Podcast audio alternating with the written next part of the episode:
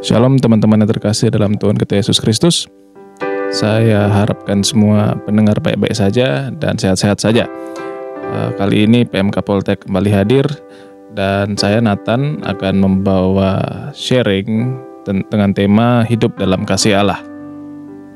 Ya, bagi teman-teman yang sudah mendengar uh, podcast pertama kita, sebelumnya yang dibawakan oleh uh, teman saya Alex, kita masih membahas tema yang sama yaitu hidup dalam kasih Allah. Jadi saya sangat merekomendasikan bagi teman-teman yang mungkin baru pertama kali mendengar untuk bisa membuka podcast episode 1 terlebih dahulu.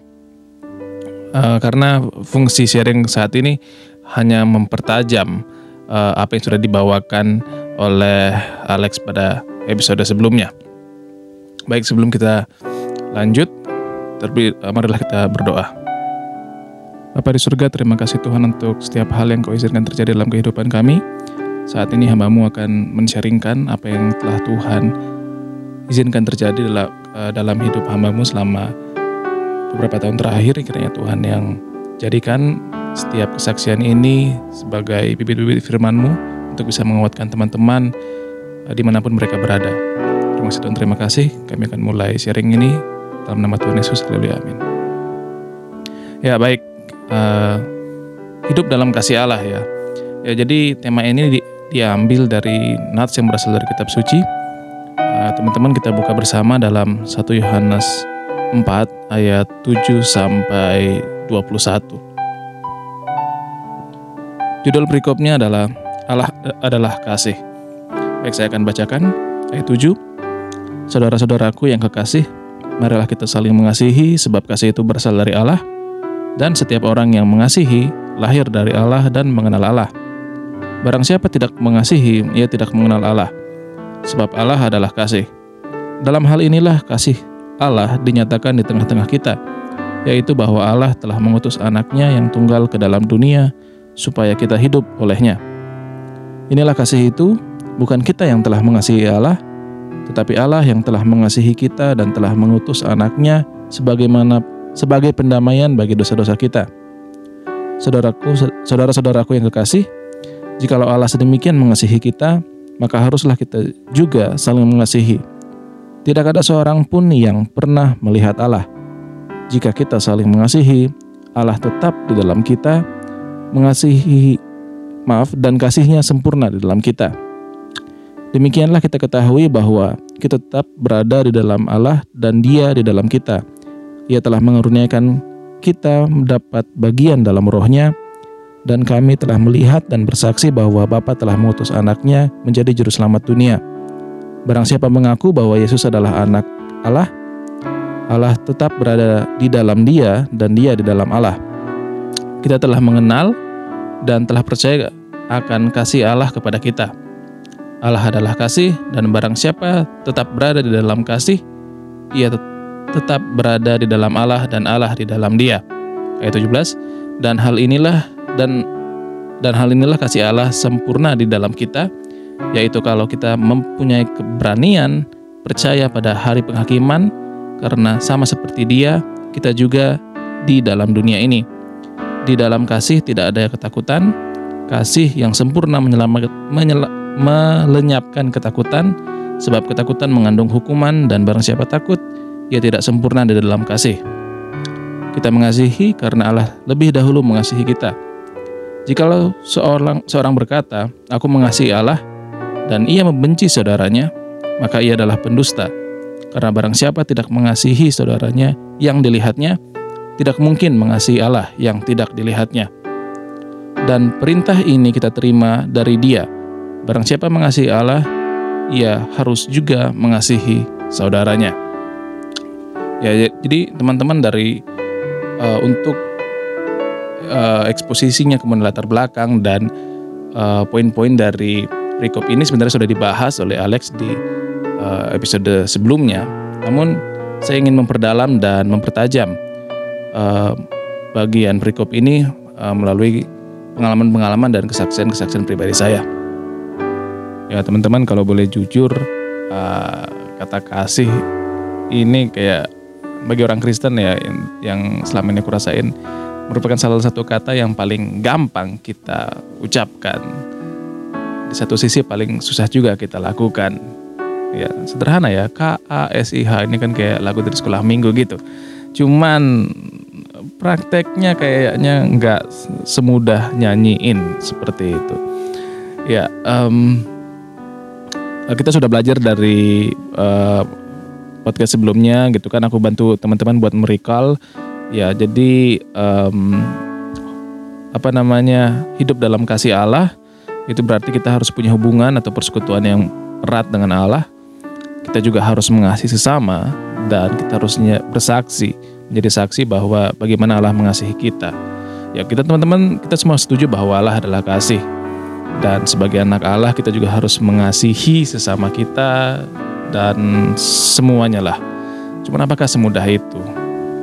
Saat situasi baik mungkin kita bisa bilang, wah saya mengasihi dia, saya mengasihi teman saya, saya mengasihi sahabat saya, saya mengasihi mungkin kekasih saya, orang tua saya, dan lain-lain. Tapi ketika sedang tidak dalam zona nyaman kita, zona aman kita, mampukah kita katakan yang sama? Tahun lalu, uh, bulan November, saya mengikuti Rakar Perkanta saat itu merupakan tahun terakhir dan uh, saya bakal apa namanya berhenti dari Persekutuan Mahasiswa Kristen Kota Denpasar dan dilanjutkan ke kepengurusan alumni. Uh, dan saat itu bertepatan juga dengan ulang tahun plus peresmian gedung baru gereja saya. Jadi saat itu dilema kan mau ikut yang mana gitu, mau ikut gereja tapi nggak ikut raker gitu, mau ikut raker takut nggak ikut gereja. Jadi saya putuskan buat ikut keduanya aja gitu. Jadi uh, rakernya kan Sabtu Minggu gitu. Jadi saya putusin udahlah selesai. Kapan sih selesai? Apa namanya uh, acara gereja ini langsung kebut gas langsung kebut ugul gitu. Pikir perkiraan kan mungkin jam 8 jam 9 selesai udah gas lanjut aja gitu. Kan Tuhan menyertai gitulah nah intinya saat itu uh, saya juga di pas di ulang tahun gereja ini jadi si acara jadi cukup sibuk. Jadi dari siang sudah standby kemudian atur-atur ini itu gitu. Dan terus mantau kegiatan sampai selesai mastiin undangan mastiin uh, tari-tarian event dan pengisi-pengisi acara semua sudah selesai gitu. Jadi intinya saya cukup capek. Belum lagi sana ketemu banyak orang gitu kan dan jiwa introvertku bergejolak gitu. Jadi udah udah mumet gitu ya ketemu banyak orang gitu kan. Ketemu ini ketemu itu ketemu ini ketemu itu gitu. Harus paksa senyum sini situ gitu kan. Ya beban lah buat saya gitu.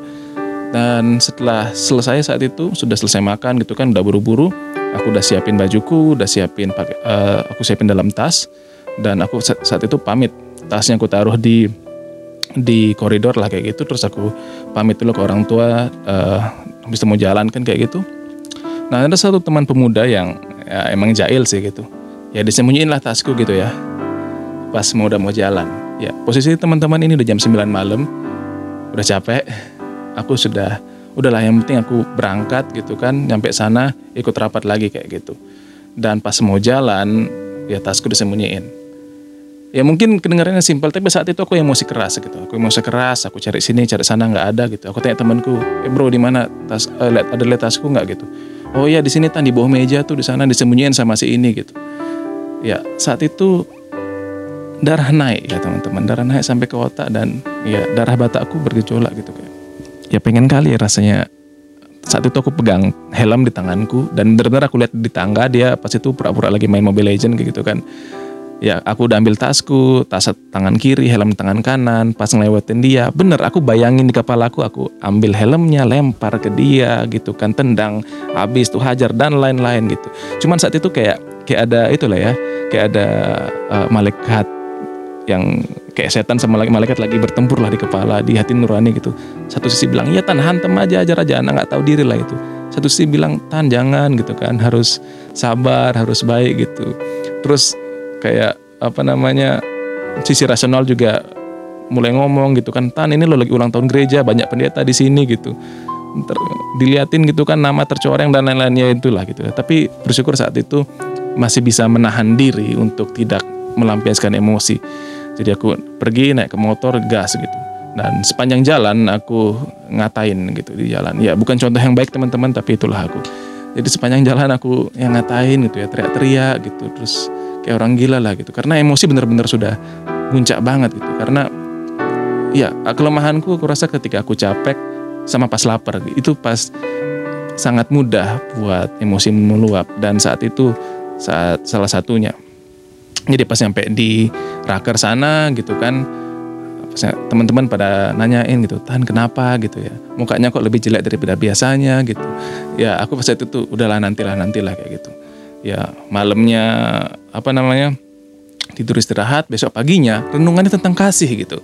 Jadi aku kayak Tuhan maunya apa? gitu ya.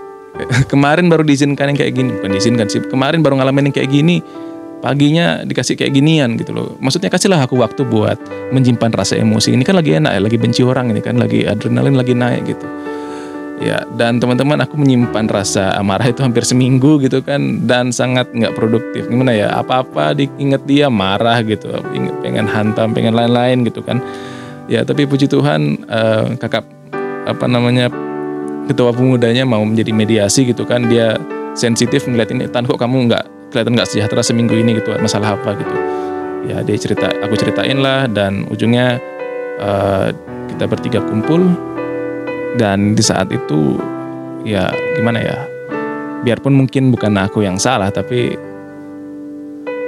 bi biarpun bukan aku yang minta maaf tapi mengampuni itu nggak nggak simple gitu ya teman-teman nggak mudah gitu. Ngomongnya mungkin gampang bilang oh ya nggak apa-apa kok aku maafin aku maafin gitu. Tapi untuk benar-benar bisa clear untuk benar-benar bilang kalau iya aku bener 100% kok maafin gitu. Aku biarpun aku inget peristiwa ini aku nggak bakal marah lagi gitu kan. Ataupun nggak aku nggak ungkit lagi ataupun nggak akan nyalahin kamu lagi ketika aku merikal peristiwa ini. Itu susah gitu untuk kayak ibaratnya mengampuni dari hati yang terdalam seperti itu ya, tapi puji Tuhan uh, sampai sekarang sudah baikan gitu kan kita kalau ketemu biasa ya poinku teman-teman nggak mudah buat kita mengasihi sesama gitu kan. Apa pun bentuknya.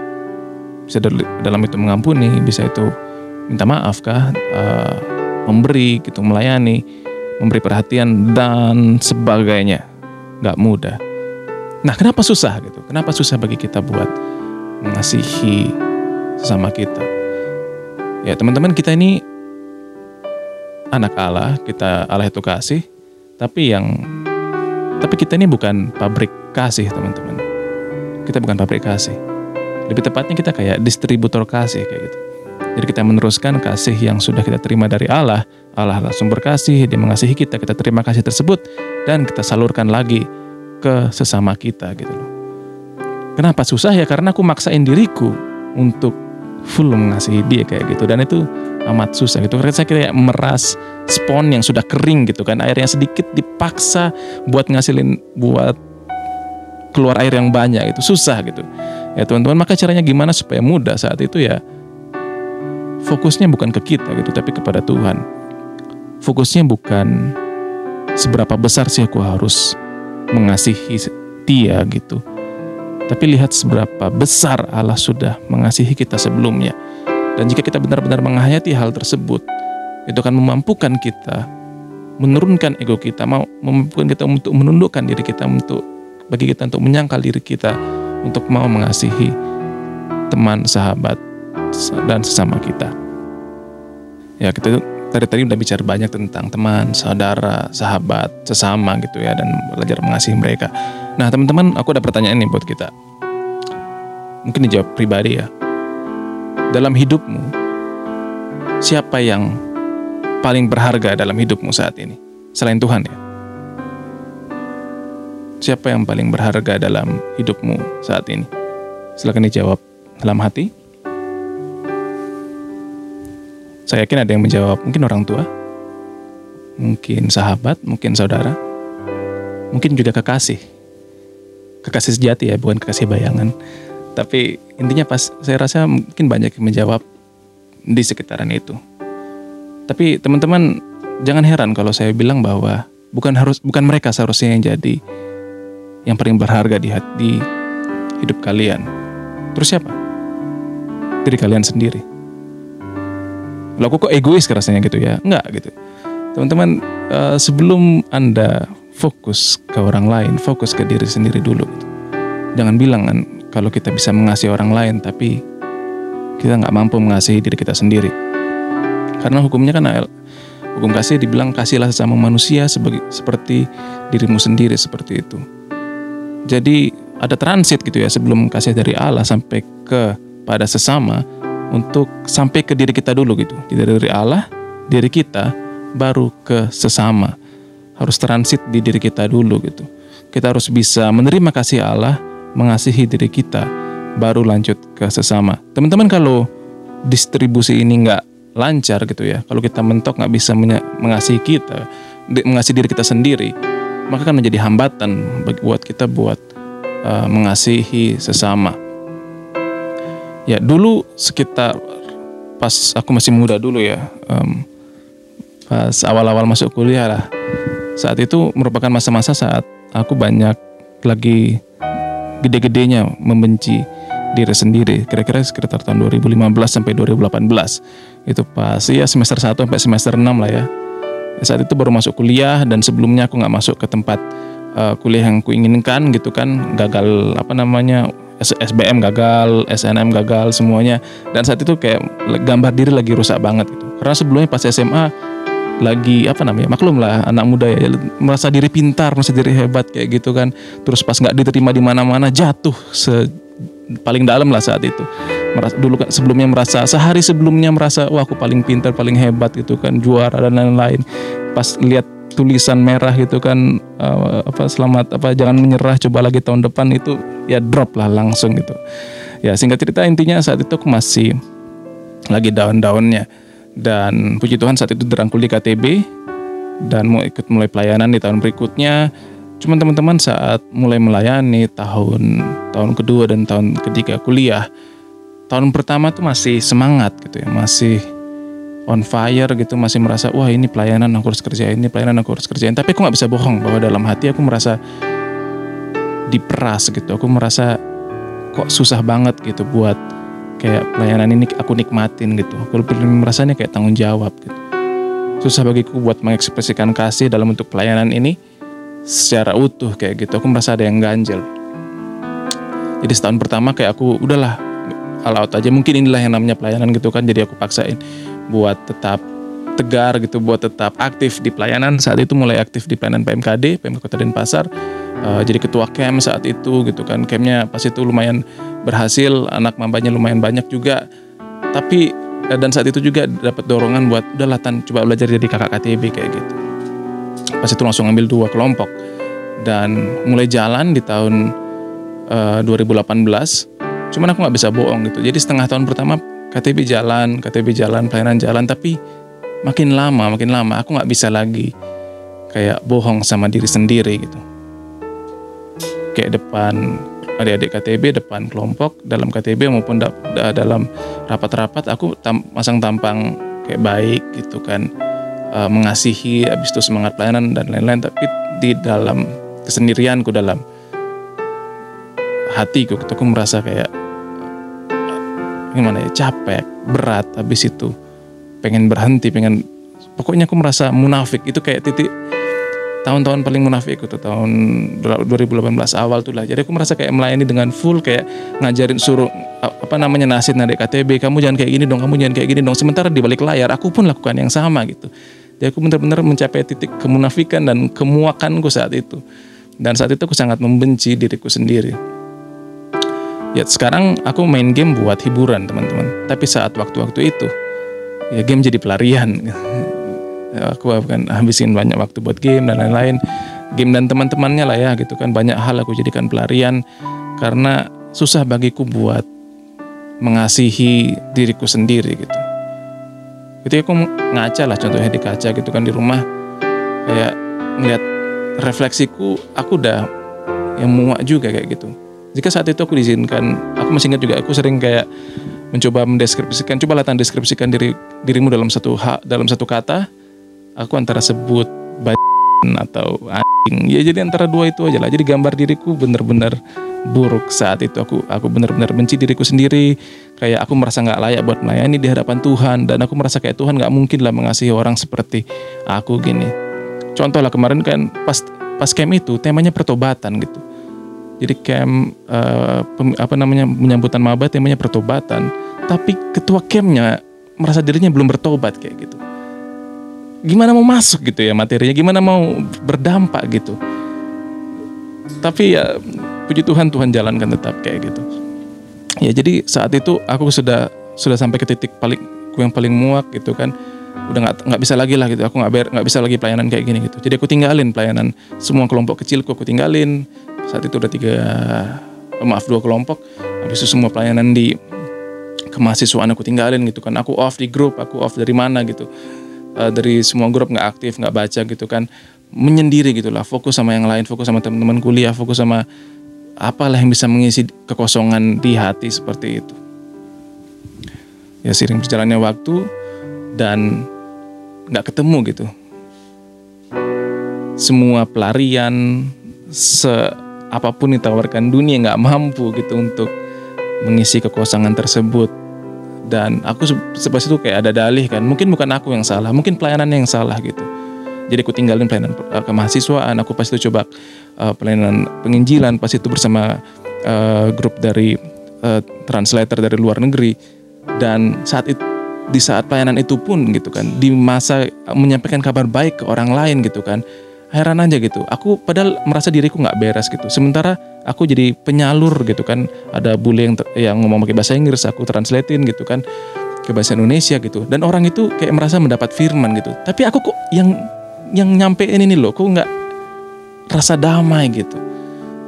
Ujungnya aku tinggalin juga pelayanan tersebut gitu. Jadi aku merasa kayak di mana-mana aku nggak nyaman kayak gitu. Di mana-mana aku nggak nyaman. Dan saat itu uh, keluarga juga memutuskan buat uh, pindah gereja kan uh, karena bapak ditugasin di gereja yang sekarang.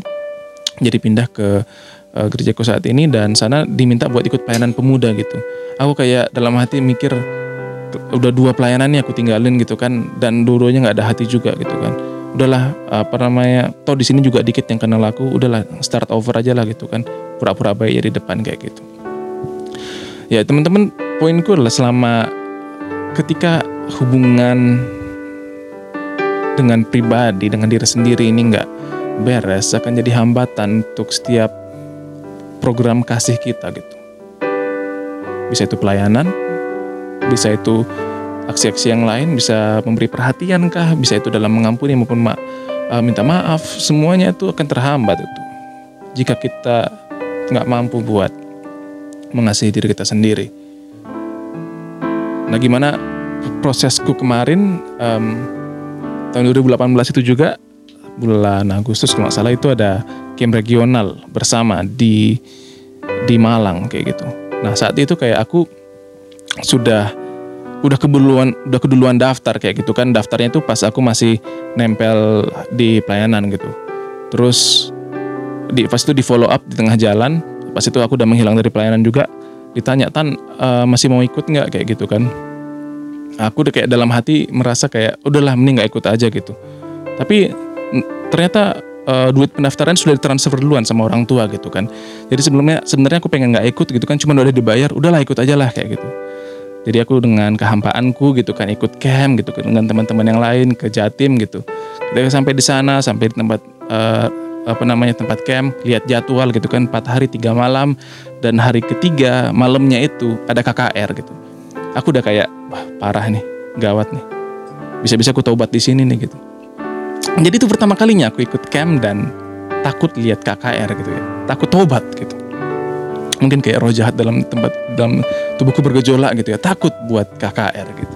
Takut taubat.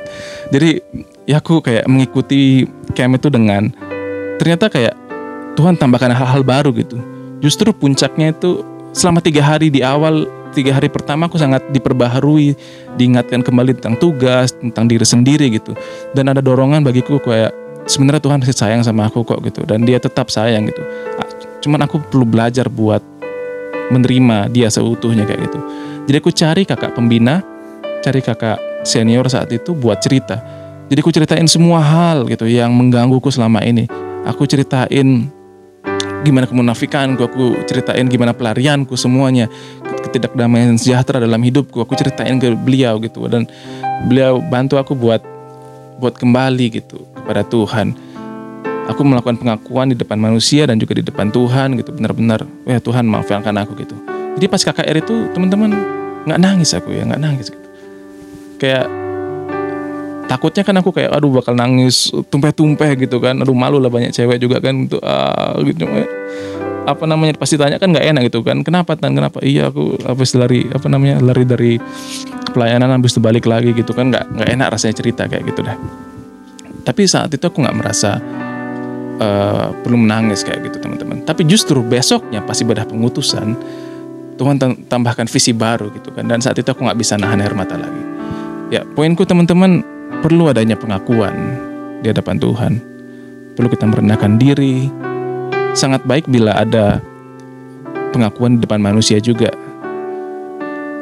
Jadi dia bisa mendengarkan, bisa menjadi saksi bahwa bagaimana kita mau merendahkan diri kita di hadapan Tuhan. Mau benar-benar, ya Tuhan aku gak ada apa-apanya, ampuni aku gitu kan. Biar Tuhan yang bekerja kayak gitu. Tuhan mengisi kekosongan dalam hatiku tersebut. Jadi benar-benar aku merasa teman-teman bahwa ada yang emang ada kekosongan dalam jiwa kita, dalam hati kita gitu. Ya nggak bisa diisi dengan apa pun juga selain daripada pencipta kita. Seperti itu. Aku harap ini bisa membantu teman-teman dan mungkin masih ada teman-teman juga saat ini yang masih bergumul gitu kan untuk mengasihi diri sendiri, masih self hating dan sebagainya. Aku mau bilang bahwa Tuhan sangat menyayangi engkau. Engkau berharga. Jangan dengerin kata dirimu, jangan dengerin kata si bolis gitu ya, yang lagi ngata-ngatain engkau buruk, hina dan sebagainya. Tuhan mau kirim anaknya mati di kayu salib untuk engkau. Dan engkau sangat berharga. Kita sudah bahas banyak tadi bahwa mengasihi harus dari hati, teman-teman. Tapi akhir-akhir ini aku juga belajar bahwa hati nggak cukup gitu loh. Maksudnya apa? Otak juga harus dimainin gitu. Aku kasih contoh ya teman-teman. Jadi ada ternyata ada seni juga untuk bisa mengasihi kayak gitu. Ya ada temanku uh, saat in, saat itu sedang berjuang gitu kan.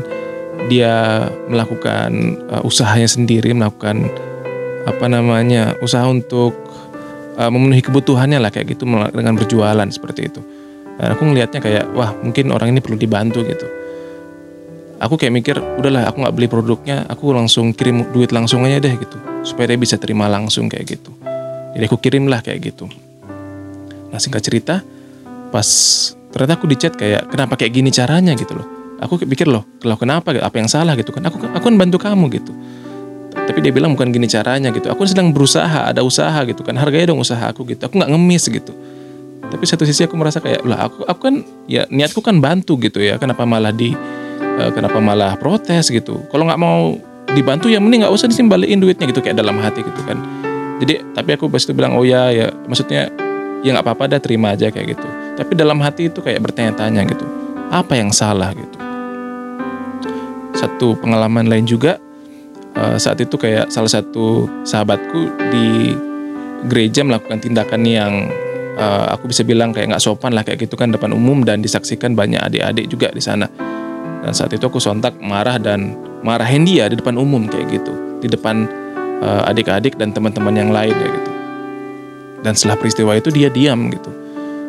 Dan but, uh, seminggu berikutnya gitu kan lagi ketemu sama kakak pembina pemuda uh, bilang tan ini kayaknya nggak beres so kita baik baikan aja gitu maksudnya beresin gitu kan seminggu sama-sama diam seminggu sama-sama musuhan lagi gitu lah kan nggak enak lihat sama yang lain gitu nggak jadi contoh nggak jadi teladan jadi kita kumpul lagi bareng sama yang lain, cerita gimana kronologinya gitu kan.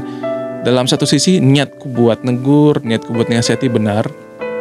Tapi caraku buat negur depan umum itu yang dia nggak terima kayak gitu. Dan teman-teman itu butuh waktu lama untuk bisa proses supaya kita bisa balikan lagi dan seperti sebelumnya gitu. Karena budayanya beda-beda gitu kan. Dia orang timur gitu kan nggak biasa buat dipermalukan di depan umum gitu. Ya siapa pun nggak biasa sih. Cuman saat itu aku kan lagi pak sama juga pas itu lagi lagi spontan aja gitu. Lagi nah, emosi meluap seperti itu. Ya teman-teman aku belajar melalui dua peristiwa ini bahwa mengasihi dari hati ya tentu tapi perhatikan juga prosesnya kayak gitu. Jangan sampai ya ada istilahnya pas itu when loving hurts gitu ya ketika mengasihi malah melukai kayak gitu. Jangan sampai tindakan kasih kita malah melakui, ya meluka, melakui, malah melukai target atau orang yang, yang harus kita kasihi seperti itu.